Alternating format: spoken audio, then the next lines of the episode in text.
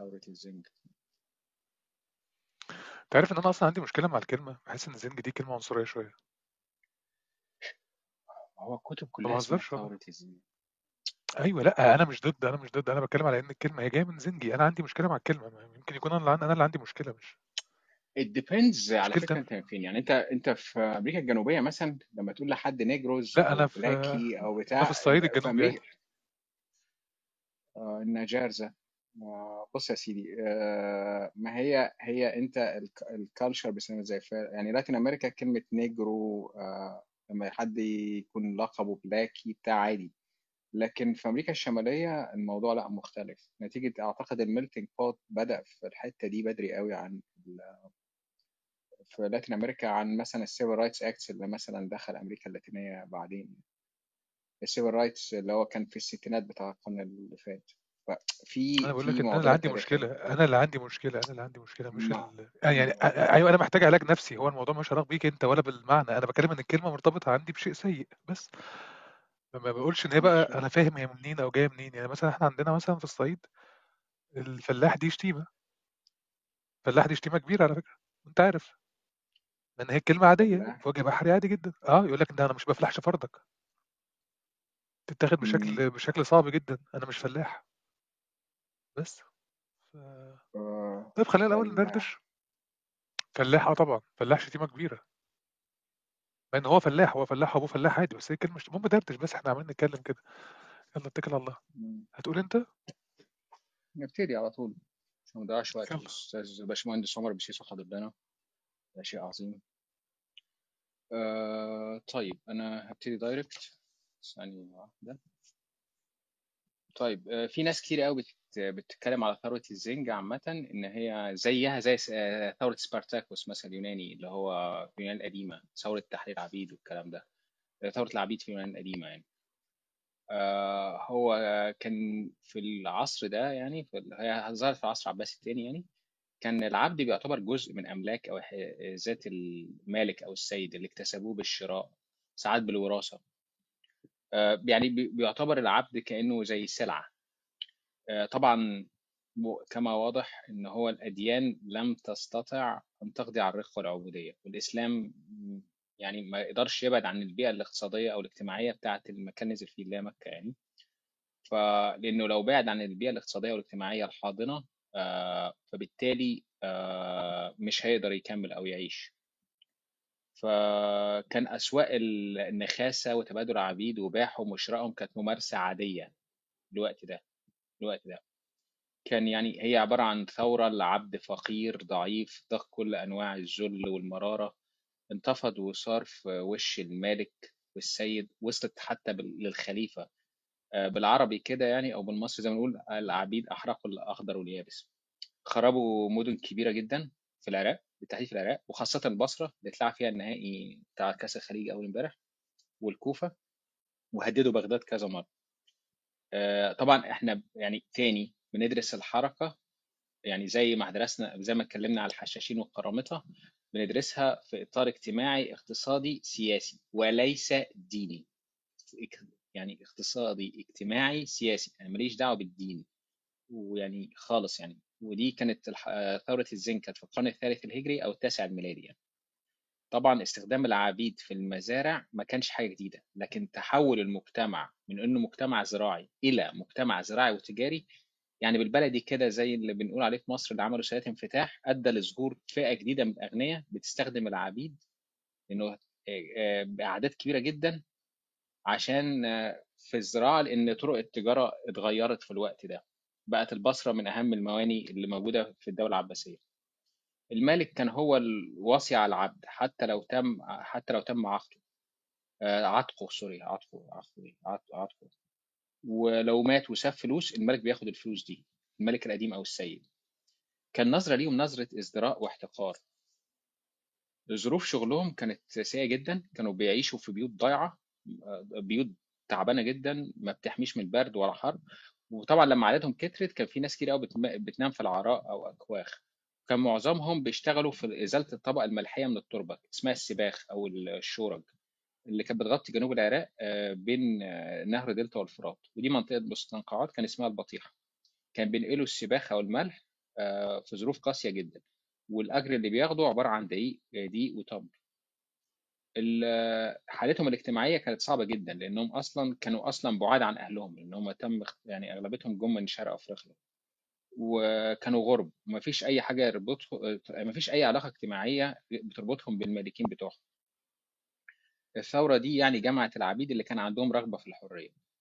آه، أنواع آه، يعني هي بص آه، بس في الأول هتكلم على حاجة هي ما كانتش ثورة واحدة عشان بس نبقى في الصورة. هي كانت في ثورة قبليها يعني في ثورة الزنج الأولى اللي هي كانت في العصر الأم في عصر عبد الملك بن مروان. دي كانت الثورة الأولى. كان يعني موجود ظلم اجتماعي. طبعا يعني طالما في ظلم اجتماعي أو سياسي فالانتفاضات والثورة واقعة لا محالة. العرب المسلمين من سنة 720 ميلادية أسسوا مستعمرات أو يعني أماكن يعني خدوا أماكن على ساحل أفريقيا الشرقية بالذات في مومباسا وزنج هي موجود دلوقتي تنزانيا وكينيا. آه اللي حصل في آه في عهد عبد الملك بن مروان بالتحديد آه حصل ان إن هم آه كان ظروفهم برضو صعبة جدا. جاء جاء واحد منهم اسمه يعني طبعا كان ظروف حياتهم بائسة جدا زي ما حكيت. فجي واحد كان اسمه شير زنج أو أسد الزنج. آه بس ده في ولاية مصعب صح؟ ده في ولاية مصعب بن الزبير صح؟ بالظبط آه آه. بن الزبير آه كان اسمه رباح أو شير زنج أو الأسد بتاع الزنج. آه فده ده قاموا بثورة ضد ضد الخلافة العباسية في ده واستولوا على أراضي في في يعني في ال في الأيام دي في العراق وإيران. وبس عبد الملك بن مروان بصراحة بعت له مع الحجاج بن يوسف الثقفي. آه، أخيرا بن يوسف الثقفي ما توصاش يعني قضى على الثورة أو قضى على الانتفاضة دي بسرعة جدا يعني. دي كانت في عهد الدولة الأموية ودي كانت مش ما كانتش خطيرة. يعني اللي هنتكلم عليها أساسا أو ثورة الزنجر الاساسيه دي الثانية اللي هي في عهد الدولة العباسية. أنواع العبيد في الوقت ده كانت بتنقسم لعدة أقسام. أول قسم اللي هم آه، بيسموهم غلمان آه، غلمان الشرجيه آه، غلمان الشرجيين اللي هم كانوا بيجمعوا الملح من التربة الشور الشرج أو أو الإسفاخ اللي هي الملح يعني من الآخر. وكانوا بيجمعوها بياخدوها من التربه عشان يزرع عشان تبقى التربة خصبه للزراعة بالذات بين نهر دجلة والفرات كان عددهم كبيرة. في اللي هم القرماطيون دول من أجناس السودان برضو. كانوا مش من دولة السودان السودان كان بيتكلم عليها أفريقيا يعني. كانوا بيتكلموا عربي وكانوا برضو بيشتغلوا بالموضوع إن هم بيشيلوا الملح من التربة. كان من أو... كان من أبرز قادتهم راشد القرموطي. كان في الفراتية ودول اللي سكنوا الفرات بتاع مدينة البصرة ودي أول منطقة ظهر فيها قائد التمرد اللي هنتكلم عليه اللي هو علي بن محمد. أو الثورة كما يعني اللي عايز يسميها ثورة يسميها ثورة. آه، طبعا النوبيين ودول كان أخطر ناس وأقواهم وكانوا بيتكلموا عربي برضه في بقى النوع الخامس اللي هم الزنوج الأقوياء ودول بقى كانوا جم وهم صغيرين بس ما كانوش بيتكلموا عربي. آه، دول ما كانوش بيعرفوا يتكلموا عربي وكانوا طوال وكان قائد التمرد بيتواصل معاهم عن طريق الترجمة. آه، وكان نسبتهم كبيرة برضه. وكان في زنوج بيشتغلوا الملاك النخيل وان أشجار النخل النخل والتمر والكلام ده كانت في البصرة بعدد كبير. آه، برضه ظروف شغلهم برضه بائسة جدا. بس كان ليهم دور في الحياة اليومية الاقتصادية في العراق والبصرة. ما كانش طبعا عندهم ثقافة أو تعليم عشان هم كانوا عبيد وشغالين في الحقل أو ازاله الملح أو جمع التنور يعني. المراجع اللي اعتمدت عليها آه، دكتور قاسم ياسر آه، ثورة الزنج والتاثير النظري ليها والواقع العملي. دكتور فيصل السامر ثورة الزنج. دكتور عبد العزيز الدوري تاريخ العراق الاقتصادي في القرن الرابع الهجري. محمد سهيل طقوش تاريخ الزنج والقرامطة والحشاشين. أحمد علي ثورة الزنج وقائدها علي بن محمد. آه، من الآخر الانتفاضة دي أو التمرد أو الثورة كانت طبقية بامتياز. في عهد الخليفة المعتمد على الله الخليفة العباسي. ال 15 حالة العبيد سائد جدا. كان بيتقدم لهم الطعام اللي هو التمر والدقيق بكميات قليلة وبسبب آه، عددهم الكبير كانوا بيناموا في العراء. وصلت إن كان في نوع من العبيد كده اسمه الخصيان اللي هو كان بيتشال آه، يعني عشان يشتغل مع يشتغل مع حريم ال... مع الح... يعني مش حريم يبقى سيف يعني بالنسبة للستات جوه البيت يعني. ستات آه. انت مش حاضر انت آه، تروح في داهية. ستات مع. السيدات. السيدات sorry السيدات ماشي. آه فهو كانوا بي يا إما بيشيلوا الخصية يا إما عضو الذكري. آه فكانوا ده كان حالتهم أحسن من العبيد. لحد ما جه كبير الزنج اللي اسمه علي بن محمد أو وقام بخطبة مشهورة جدا في عيد الفطر سنة 255 هجرية وعدهم بالحرية وإن يكونوا سادة ويكون ليهم أملاك وجواري فالناس صدقته. آه، طبعا زي زي القرامطه كان ليهم اللي هم حمدان بن الأشعث أو حمدان قرمط وزي الحشاشين كان ليهم حسن الصباح. آه، ظهر بقى كبير الزنج اللي هو علي بن محمد. الأقوال بقى تضاربت على أصوله يعني. في ناس قالت إنه هو أصلا اسمه بهبوز وإن هو فارسي. أيوه اسمه بهبوز اسمه كده. وفي رواية إن هو من آل البيت آه، واسمه علي بن محمد بن أحمد بن علي بن عيسى بن زيد بن علي بن الحسين ابن علي بن أبي طالب ونسبه علوي آه، طبري قال إن هو كان بيغير نسبه كتير. المسعودي بيقول ممكن يكون صح علوي آه، القصة آه، رواها الصفدي إزاي النسب العلوي. قال إن كان في راجل اسمه عبد الواحد الشامي كان بيحج كل سنة. الراجل ده كان بيزور شيخ آه، من آل آه، أبي طالب اسمه علي. وفي مرة عدى عليه لقاه متوفي كان راح يحج فلقاه متوفي كان عنده ابن اسمه محمد. فكان عايز ياخد الابن اسمه محمد ده كان عنده 11 سنة فحب ياخده بس مراته اعترضت. السنة اللي بعدها راح يحج فلقى الواد اليتيم ده برضه آه، فمراته وافقت إن هم ياخدوه وجابوا قرية اللي هي ورزنين من قرى الري الري اللي هي طهران دلوقتي by the way الواد كبر وجوزوا بنته وخلف بنتين ماتوا وبعد كده خلف علي اللي هو علي بن محمد. فهو القصة اللي هو النسب العلوي ده بيتقال عشان علي بن محمد. وبكده يبقى هو من نسل الرسول صلى الله عليه وسلم وسيدة فاطمة. وفي رواية ثالثه إن هو عربي من الكوفة كان جده من أنصار العلويين ضد العباسيين لكن لما جده اتقتل آه، هربوا وراحوا الري أو اللي هي طهران يعني. طبعا الخلط في النسب بيرجع لغياب الدقة وسيطرة الأيديولوجية على عملية تأريخ التراث الإسلامي. آه، طبعا فكرة النسب للعلويين أو أسرة بني هاشم أو أسرة الرسول صلى الله عليه وسلم دي عشان طبعا بداية شرعية من الآخر يعني. آه، علي بن محمد عاش في عاصمة الخلافة ورحل للبحرين والبحرين مش مقصود بها مملكة البحرين. زي ما قلنا في القرامة البحرين بنقصد بيها من جنوب البصرة لحد سلطنة عمان. عاش شوية في البحرين لما كان في آه، فوضى واضطراب في عاصمة الخلافة يعني. وصل البصرة سنة 254 هجرية قبل الثورة بسنة. وكان والي البصرة أو عامل البصرة اسمه محمد بن رجاء آه، الحاضري. وده كان عدو اللدود يعني. بدأ يدعو في مساجد البصرة للثورة لكن دعوته انكشفت. فعلي هرب لبغداد علي بن محمد اتعلم من الحركة دي إن يخلى أفكاره ومخططاته سرية. آه، اللي خدمه ان حصلت مشاكل بين الجنود الترك والوالي اللي هو محمد بن رجاء الح- آه، الحضري فالوالي اتشال. رجع للبصرة سنه 255 هجرية وقوى اتصالاته مع الزنج ودرس أحوالهم وعلاقاته آه، قويت بيهم جدا. آه، آه، عشان آه، يعني مفيش مصادر ومحدش عارف برنامجه هل كان إصلاح اجتماعي أم حركة سياسية فهو يوصل آه، للسلطة بعدها ويتخفى بستار الدين عشان يوصل للسلطة. آه، وهو ما عملش زي قرامته يعني قرامتها اللي هو دمج الرواية الدينية مع الأوضاع الاجتماعية. لكن هو جه في خطبة العيد الفطر سنة 255 هجرية اتكلم على وضع الزنج الزفت وحياتهم الضيعه وتعرضهم للاستغلال والذل وإن ربنا بعته عشان ينقذهم. ويرفع من شأنهم وهيبقى عندهم عبيد وأموال ومنازل وجواري. وبكده هو ما كانش في نيته إلغاء العبودية يعني. هو يعني ظهر الحركة آه، إنقاذ ال- إنقاذ العبيد من الظلم الاجتماعي وانتقام من الملاك. بس آه، طبعا الملاك والسادة عرضوا على علي بن محمد أو بدأت الثورة.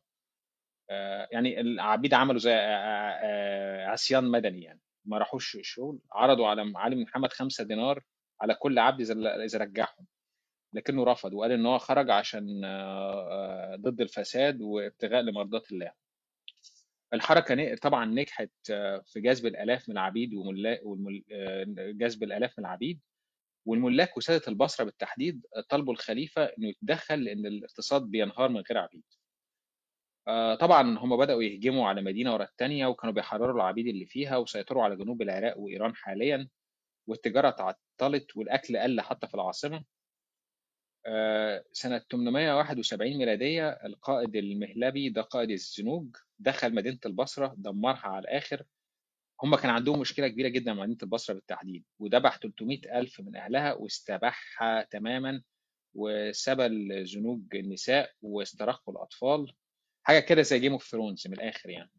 ووصلت حسب إن أحد المؤرخين يعني إن لكل زنج كان 10 نساء سبايا وكانوا من كترهم بيتباعوا في سوق النخاسة بدرهمين آه وده كان اتكلم عليه يعني الصفدي إن هم طبعا مش كانوا عبيد رجالة كانوا بيعانوا من حرمان جنسي يعني كان في حتة مكتوبة الحكاية دي. وطبعا ما دمروا مدينة الكوفة.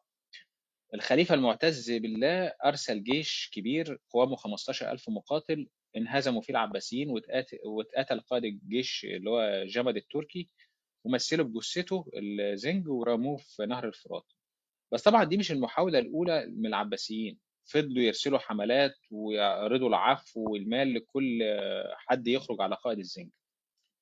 آه، الخليفة في الآخر أرسل جيش بقيادة أخوه المعتمد آه، أبو أحمد طلحة الموفق وده دخل عاصمة الثوار وقضى على الزنج وجاب رأس علي بن محمد و- وحتى سجدوا وشكروا الله سنة 383 ميلادية. هحكي القصة يعني إزاي إزاي المعركة العسكرية اشتغلت. بس وسط الاضطرابات دي آه، أحمد بن طولون ولي مصر استقل بأغنى ولايات الخلافة يعني في وسط الاضطرابات اللي حصلت في في العراق. آه، طبعا الزنج لما كانوا زي ما أقول زي ما قلت لما كانوا بيخشوا أي مدينة آه، فيها يعني بيولعوا فيها يعني وعنف بشع وبيشيلوا الرعب يعني بيثيروا بي بيثيروا الرعب في كل في السكان يعني. والبصرة كانت هي المدينة الوحيد بالعراق. فتجارة العباسي العباسيين الصدرة والوردة كانت في مأزق. واللي ساعد الزنج إن هم أضرب الأرض من جنود الخلافه يعني في أماكن وعرة ومستنقعات وغابات نخيل والنهر دجلة والفرات والجداول اللي حواليهم كانوا هم حافظين الطرق ونصبوا كمان كتير لجنود الخلافه حاجة كده زي حرب العصابات.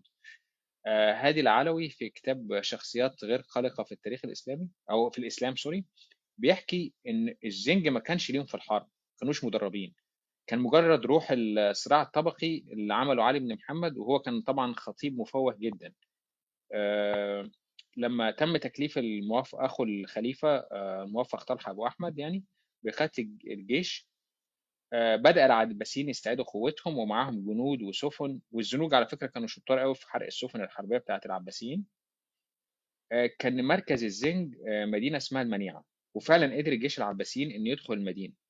كانت المدينة محصنة وكان اتقتل في المعركة دي قائد الزنج اللي اسمه الجبائي وكان ده أشهر أشهر وأقوى واحد فيهم. وبعدين دخل عباسيين مدينة اسمها المنصورة المنصورة دي في العراق وحرروا الأهواز اللي هو جنوب إيران العباسيين. فضل المدينة الأخيرة اللي اسمها المختارة. فالموفق الموفق آه، آه، طلحة أبو أحمد اللي هو أخو الخليفة ضرب حصار عليها وبنى مدينة عشان يضرب حصار على المدينة دي اسمها الموفقية. وقعدت صامدة المدينة دي لسنة 269 هجرية. يعني الثورة بدأت 255 هجرية. يعني كانت قعدت أكتر يعني الثورة استمرت لاكثر من 15 سنة أو تقريبا 15 سنة يعني. المهم الجيش العباسي في الآخر دخل المختارة ب 50 ألف مقاتل ومات الآلاف من المسلمين من الطرفين. آه، انتصر الجيش العباسي وأرسلوا راس صاحب الزنج علي بن محمد سنة 270 هجرية لعاصمة الخلافة. وانتهى الصداع اللي عملوه لزنوج الخلافه يقال في ثورة الزنج خمس 15 سنة دول مات أكتر من نص مليون واحد نص مليون بني آدم في ال 15 سنة دي. كانت أكثر من أكثر الثورات المؤلمة في التاريخ الإسلامي. يعني من يعني أكتر من أي حاجة تانية. طبعا بعدها ما فيش بقى يعني بضع سنين يعني آه sorry 30 سنة كانت بدأت آه استلهم بقى حمدان بن قرمط اللي قلناها في الأسبوع اللي فات اللي هي حركة القرامطة room متسجلة يعني. فهي مجرد ثورات. زي ما قلت أنا لما شرحت نووي شرحت آه، من غير الرجوع لأي حاجة دينية الاسباب الاقتصادية والاجتماعية والسياسية اللي أدت لظهور ثورة الزنك. آه، أنا كده خلصت نووي لا هو أعتقد إحنا كده خلصنا أصلا. مفيش حاجة مفيش كلام كتير يعني. هو الفكرة إن أنت أنت تقريبا لخصت الجزء الأولاني هو ده اللي كان فيه ال- ال- الحدوتة كلها. طول ما في قمع هيفضل في في ثورات وحاجات من النوع ده. هو بس الفكرة كلها اللي أنا كنت عمال أفكر فيها طول الوقت لما كنا بنتكلم عن الروم إن هو في شخص عايز يعيد العجلة مش لأن هو عايز يحرر الناس لأ لأن هو عايز يكون هو البلطجي. هي دي الفكرة اللي كانت مسيطرة عليها وإحنا بنتكلم يعني.